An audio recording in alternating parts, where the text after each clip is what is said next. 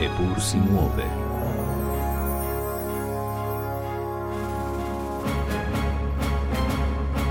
In vendar se vrti.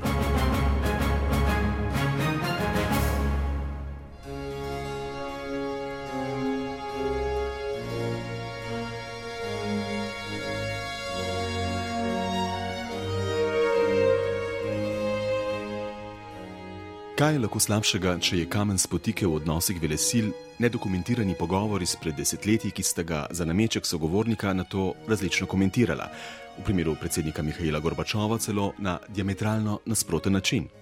Prav to je namreč primer domnevnih zavez Zahoda, da se zavezništvo NATO ne bo širilo na vzhod, proti mejam Ruske federacije.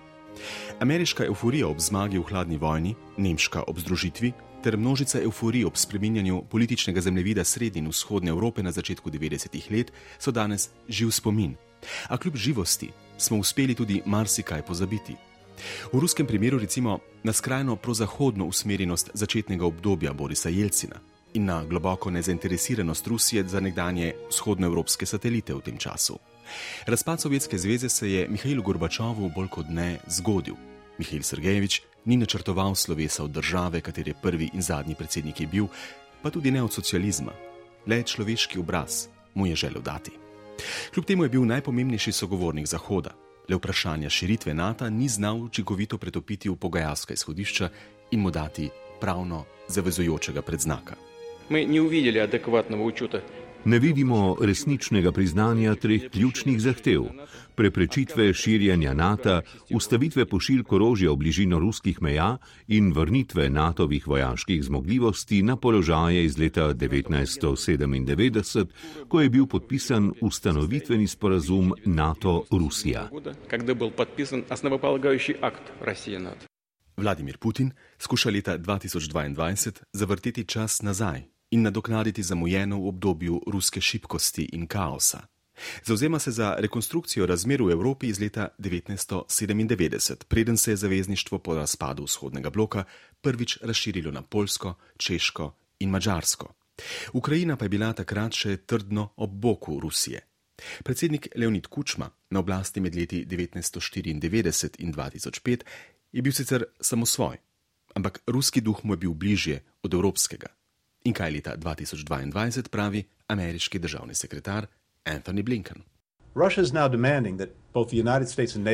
Rusija zdaj od Združenih držav Amerike in NATO zahteva podpis sporazumov o umiku NATO-vih sil, razmeščenih na ozemlju zaveznic v srednji in vzhodnji Evropi, in prepoveduje Ukrajini članstvo v NATO. Želijo nas zvleči v razpravo o NATO na mesto o dejanskem vprašanju, namreč njihovi agresivnosti do Ukrajine. Ne bomo dovolili preusmerjanja pozornosti, kajti pri dogajanju v Ukrajini ne gre zgolj za Ukrajino. Gre za del širšega vzorca destabilizacije, nevarnega in pogosto nezakonitega vedenja Moskve, ki si želi obnoviti vpliv na območje tudi v državah pod nekdanjo sovjetsko prevlado in preprečiti uresničevanje demokratičnih stremljen teh popolnoma suverenih, neodvisnih narodov.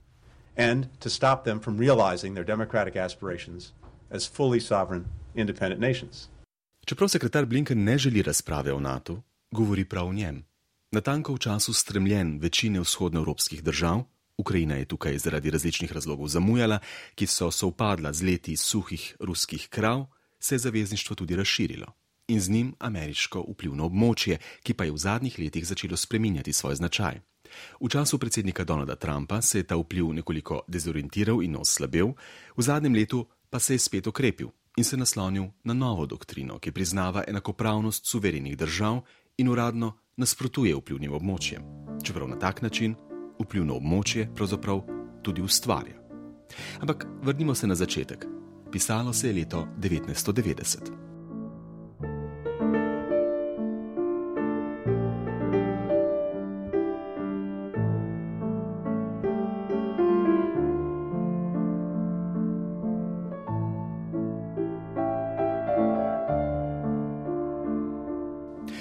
Vprašanje o širitvi NATO ne moremo oziroma celo ne smemo obravnavati zunaj konteksta nemškega združevanja, je prepričana ugledna ameriška zgodovinarka hladne vojne in obdobja po njej Mary Elise Sarot. Profesorica z Univerze Johns Hopkins iz Baltimora je napisala knjigo o širitvi čezatlantskega zavezništva, ki je konec lanskega leta išla pri univerzitetni založbi Yale. Zaradi novosti, ki jih prinaša z opiranjem na do njenih raziskav še tajno gradivo in več kot primernega trenutka izida, je delo z naslovom Niti za palec, Not One Inch, postalo uspešnica. Naslov je citat tedanjega ameriškega zunanjega ministra Jamesa Bakerja, Mary Sarot. And so James Baker is part of a hypothetical conversation in uh, 19, February 1990. Februarja 1990 je sekretar Baker hipotetično vprašal predsednika Gorbačova, parafraziram, natančni citati so v knjigi, Mihajl Gorbačov, kaj pa, če v zameno, da pustite Nemčiji oditi, NATO pristane, da se ne bo niti za palec pomaknil proti vzhodu? Gorbačov je na to odgovoril, da to zveni dobro, vendar se NATO ne sme širiti na vzhod. Ampak to je bil zgolj zgodnji pogovor špekulativne narave in nič od tega ni bilo zapisanega. Ko se je sekretar Baker vrnil domov k svojemu prijatelju in šefu, predsedniku Georgeu Bushu starejšemu, mu je ta dejal: Ne, ne, Jim, zbežal si predaleč naprej, tega ne bomo storili. Nasprotno, ne samo, da bomo ohranili NATO, ampak tudi njegovo zmožnost za širitev na vzhod. NATO se bo razširil, v zameno pa bomo pristali na določene koncesije. Baker se je moral strinjati in dokument, na katerega se opiram, je njegovo pismo nemškim voditeljem, v katerem piše naj pozabijo na njegove besede in jih opustijo, ker povzročajo zgolj zmedo. Ampak Moskva je potrebovala nekaj časa, da je to opazila. Zahodne zaveznice so razmišljale, kaj naj ponudijo Sovjetski zvezi z njenimi 380 tisoč vojaki v vzhodni Nemčiji v zameno za pristanek na združitev Nemčije. Na koncu se je predsednik Gorbačov odločil za finančno nadomestilo Sovjetski zvezi in odobril podpis pogodbe s sovjetske strani. Takrat je namestnik svetovalca za nacionalno varnost Združenih držav Amerike Bob Gates dejal: Naša strategija je bila podkupovanje Sovjetov, pri čemer se je izšlo celo še bolje, saj so zahodni Nemci plačali podkupnino, ker jim je bilo toliko do združitve. Ne le da končna pogodba o združitvi Nemčije tako ne vsebuje zaveze o neširjenju NATO, nasprotno, tam je celo izredno določilo, da se NATO lahko razširi na vzhodno Nemčijo. Danes predsednika Putina ne zanimajo zgodovinski dokumenti, ne sklicuje se na pogodbo, s katero je Sovjetska zveza pristala na širitev, ampak namesto tega tematizira besede Jamesa Bakerja izrečene veliko predtem. Tako tesno prepletenost vprašanja nemškega združevanja in širitve zavezništva NATO je profesorica Serot odkrila po naključju, ko je v nemških arhivih raziskovala gradivo za eno od svojih predhodnih knjig 1989 na temo združitve Nemčije.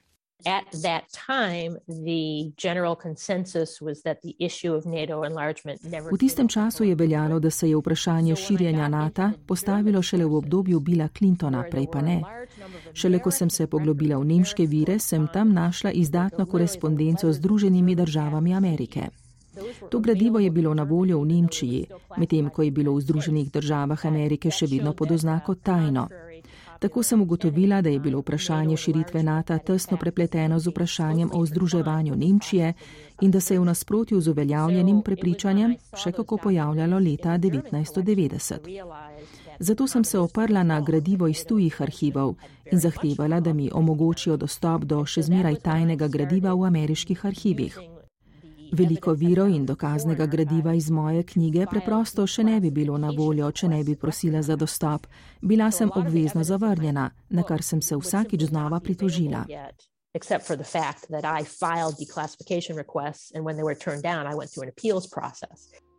Proces je bil večleten in naporen. Zlasti težko je priti do gradiva iz obdobja predsednika Billa Clintona. In ko je Mary Sarot po treh letih vendarle dobila prepise sestankov predsednikov Clintona in Borisa Jelcina, so se pritožili v Kremlju. Ti dokumenti vsebujejo podatke o politikih, ki so še na položajih, je tedaj dejal predstavnik Kremlja Dimitri Peskov. Profesorica Serot pravi, da je v prepisih pogosto omenjen prav Vladimir Putin.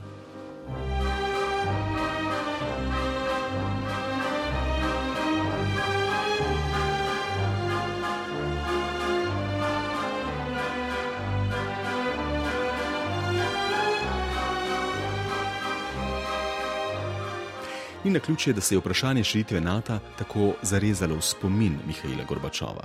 Ne le Baker, ki je začel, kot smo slišali, hipotetično. To sta še nekaj časa ponavljala nemški kancler Helmut Kohl in zunani minister Hans-Dietrich Genscher, dokler na ameriško zahtevo te retorike nista opustila. Zaradi tega je imel Gorbačov sprva to zavezo za usklajeno stališče Zahoda. Ampak v Beli hiši so vse čas takšnim omejitvam odločno nasprotovali, zato to ni mogel biti stvarni predlog.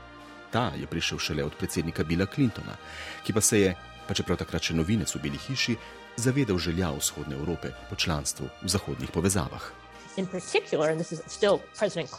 In tako je v letih 1993 in 1994, še zmeraj ga parafraziram, natančni citati pa so v knjigi. Predsednik Clinton izredno dejal, da je treba v ta prizadevanja vključiti tudi postsovjetske države, ki so bile v tistem trenutku skoraj pozabljene. Misliti je treba na Mačarsko, Češko, Slovaško, Poljsko in Ukrajino. Clinton jo je posebej izpostavil kot ključno. Bila sem presenečena, da je Clinton že takrat skoraj da preroško zaznal nizanje ukrajinskih kriz v prihodnosti. Tako je nastalo Partnerstvo za mir, organizacija, s katero so se izognili postavljanju novih razmejitev v Evropi in ki je omogočala bolj diskretno, predvsem pa zaradi nedorečenih pravil, težje predvidljivo napredovanje do članstva v NATO. Clinton se je namreč zavedal tudi averzije Rusije, ki je ni želel preveč vznemirjati. A Boris Jelcin je oktobra leta 1993 na nasprotnike iz vrst opozicije v državni dumi poslal tanke. Decembra 1994 pa se je začela prva čečenska vojna. Mary Sarad. And when that happens, that causes the Central and Eastern Europeans who had agreed to the Partnership for Peace through clenched teeth To je prestrašilo srednje in vzhodno evropske države, ki so s stisnjenimi zobmi pristale na partnerstvo za mir, ki so v strahu, da je Rusija še zmeraj kot Sovjetska zveza, namesto šibkega partnerstva zahtevale polnopravno članstvo v NATO. In to včeraj. Obenem pa je novembra 1994 na umestnih volitvah republikanska stranka doživela veliko zmago. In to pretežno zaradi zauzemanja za izredno uveljavitev petega člena in širitve NATO. Clinton si je seveda leta 1996 želel ponovno zmagati na volitvah, zato je moral biti pozoren na rezultate, zlasti v državah, katerih glas bo odločilen. Tam, naprimer v Michiganu, odkuder prihajam, pa živijo številne skupnosti izseljencev iz Polske in drugih srednje in vzhodnoevropskih držav. Zato si je konec leta 1994 Clinton premislil in se odvrnil od svoje prvotne zamisli partnerstva za mir. So all these pressures taken together, Clinton changes his mind in late 94 and basically shifts away from the Partnership for Peace. Po mnenju profesorice Sarot je bila širitev zavezništva v 90-ih letih prejšnjega stoletja kljub nezadovoljstvu Rusije razumljiva in obenem tudi nikakršna novost. Zavezništvo NATO se je širilo že predtem, na zadnje leta 1982, ko je van vstopila Španija. Težaven je bil način nadaljne širitve, kajti predsednik Clinton je pristal na načelo članstvo ali nič, brez umestnega manevrskega prostora. Ker je stališča prosilk veljalo za edini pošten način, je vele sili zaradi naraščanja nezadovoljstva Moskve povzročalo težave. Pa vendar, leta 1999 so članice postale Poljska, Češka in Mačarska, leta 2004 Baltska trojka, Romunija, Bolgarija ter Slovaška in Slovenija, leta 2009 Hrvaška in Albanija, 2017 in 2020 pa Črna Gora in Severna Makedonija. Vmes leta 2008 se je na vrhu NATO v Bukarešti zapletlo zaradi vabila Ukrajini in Gruziji. Zaradi nedvoumnosti in strumnega ritma širitve NATO se je Moskva začela počutiti vse bolj ogroženo. A razen zagotovil, da so njeni strahovi prazni, od Zahoda ni dobila ničesar v zameno. Tako smo zdaj tukaj, kjer smo, s kopičenjem orožja in vojsk na vzhodu Evrope. Kakšen bi lahko bil izhod iz tega? So, given that Putin is saying he's afraid of Ukraine, Če se Vladimir Putin boji ukrajinskega članstva in raketnih sistemov NATO, potencialno razmeščenih v Ukrajini, bi Zahod zelo učinkovito zagotovil, da do tega ne bo prišlo s predlogom obnovitve sporazuma o izstrelkih srednjega in kratkega dosega. To bi bilo tudi v našo korist in razpršilo bi omenjeno bojazen. Enako velja za Putinove strahove pred kopičenjem NATO-ve vojske na vzhodu Evrope. Obnovitev, vsaj delna, sporazuma o konvencionalnih silah v Evropi, sporazuma CFE iz leta 1990, bi bila v interesu obeh strani. A samo dva, pa če še tako pomembna sporazuma, torej sporazum INF, podpisan leta 1987, ki je prenehal veljati leta 2019, in sporazum CFE, podpisan leta 90, ki se je iztekel leta 2007, ne bosta dovolj, meni Mary Sarot. More than 30 years after the end of the Cold War, the US and Russia between themselves Tudi 30 letja po koncu hladne vojne Združene države Amerike in Rusija še zmeraj skupaj nadzorujeta 90 odstotkov jedrskih konic na svetu. Rusija je preprosto preveč jedrska, da bi jo lahko ignorirali. Velika težava je, da zdajšnji varnostni sistem v Evropi ne predvideva prostora in deleža za Rusijo. Ne gre za to, ali nam je Putin všeč ali ne. Osebno se mi zdi to, kar Putin počne v Ukrajini, odvratno pa vendar mora obstajati vzdržen in trajnosten odnos med Evropo in Rusijo glede varnostnih vprašanj. Prej se bomo pomaknili v smeri tega cilja z obnovo omenjenih sporazumov in z oblikovanjem vsestransko sprejemljive vloge Rusije v varnostnem sistemu, kar narekuje geopolitična narava vprašanja, prej bodo usahnile to vrstne krize. The sooner we can move to that, the, the sooner we can stop having these crises. These crises.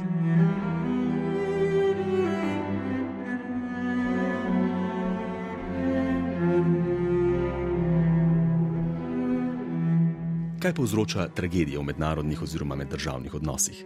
Neznanje, slabo poznavanje drugih udeleženih procesa in nekaj, česar obstoj zlasti na ameriški strani priznava veliko poznavalcev, namreč wishful thinking. Če opisno prevedem, bi rekel ravnanje v skladu z željami, kar pa se ne sklada nujno s stvarnostjo na terenu. To je zelo značilno tako za Belo hišo, kot za State Department in Pentagon. In vse to smo v novejšem času lahko pozvali v Afganistanu, Iraku, Siriji. Nekaj od tega je nedvomno vidnega tudi v aktualni ukrajinski krizi. A tukaj bi, če dovolite, ustavil konje. Preden nas zanese, da se zgolj zato, ker je komu Rusija simpatična, ZDA pa ne ali obratno, preveč uživimo v domnevne pravice Rusije, da na račun sosednjih držav zdržuje svoje vplivno območje in neguje zgodovinske mite ali na ameriška zagotovila podpore suverenosti posameznih držav. Nedvomno je v tej igri daleč najboljši strateg in taktik Vladimir Putin. In če kaj vemo o Rusiji, bi me presenetila invazija na Ukrajino. Aneksija Krima leta 2014 je bila presenečenje, ker je bilo to del ruske taktike. Te akcije ni takrat nihče pričakoval, zato pa smo takoj na to nekateri zlahka napovedali, kaj se bo zgodilo na vzhodu Ukrajine. In povsem jasno je, zakaj Rusija ni niti poskušala zasesti Donbasa in se ji niti danes ne mudi s tem. Kolikor je škodljiva, je ameriška histerija povezana s tokratno krizo tudi razumljiva. Bidenova administracija, ki je po mojem mnenju sprva nasedla ruski provokaciji, jo zdaj skuša izkoristiti tako v notranje politične namene, pa tudi kot opozorilo kitajski. Tega bom napoved, da se ti načrti ne bodo išli. Čeprav so ameriški mediji v svojem nepoznavanju sveta in okuženi z istim virusom wishful thinking naredili vse, kar so mogli navznoter, Zmaga brez vojne na neki točki na zemljevidu, ki je povprečen američan niti v sanjah ne bi našel, bo do novembra tako zvodenela, da to ne bo mogel biti omembe vreden dejavnik na novembrskih volitvah. Kitajska pa, ki bo v primeru gospodarskih ukrepov Zahoda Rusiji pomagala ravno prav, da Moskva ne bo potonila, ne bo pa zmogla niti hotela kompenzirati izgub, ni slepa. Za njo je nauk ukrajinske krize popolnoma drugačen od tega, kar si želijo v Washingtonu. Čeprav se je v tem primeru treba zavedati, da se bosta kitajska in ameriška stran merili neposredno, brez preračunljivih evropskih zaveznic. Kar nas pripelje do nas. Kolikor sledim, je presojanje ukrajinske krize v evropski in slovenski javnosti v precejšnji meri zamegljeno s sevom omenjenega virusa wishful thinking ali aleluja na račun ZDA ali pa prikimavanje ruskim bajkam. Tragedija, ki leži ob izvoru vprašanja, s katerim se je ubadala današnja vdaja, na grozo njenega avtorja ostaja nedotaknjena. O Evropi še zmeraj odločajo drugi. Tega ni mogla preprečiti niti Evropska unija. Popolnoma razdrobljena stara celina, nesposobna samostojne obrambe, zato pa z razvitim občutkom za krošnjarjenje, lovi ravnotežje med eno in drugo stranjo, velikim pa nudi poligon za spopad, zastavlja ozemlja svojih držav in kri svojih ljudi, pri tem pa množice evropejcev bodreče vzklikajo.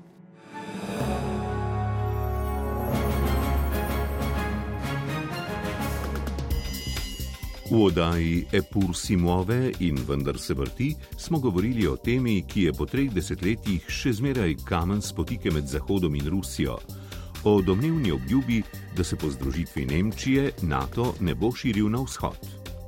Oddajo je pripravil vašingtonski dopisnik Andrej Stopar, brala sva Barbara Zupan in Jure Franko, tonski mojster Jrne Boc, redaktorica Sandra Krišelj in urednik Matjaš Trošt. thank you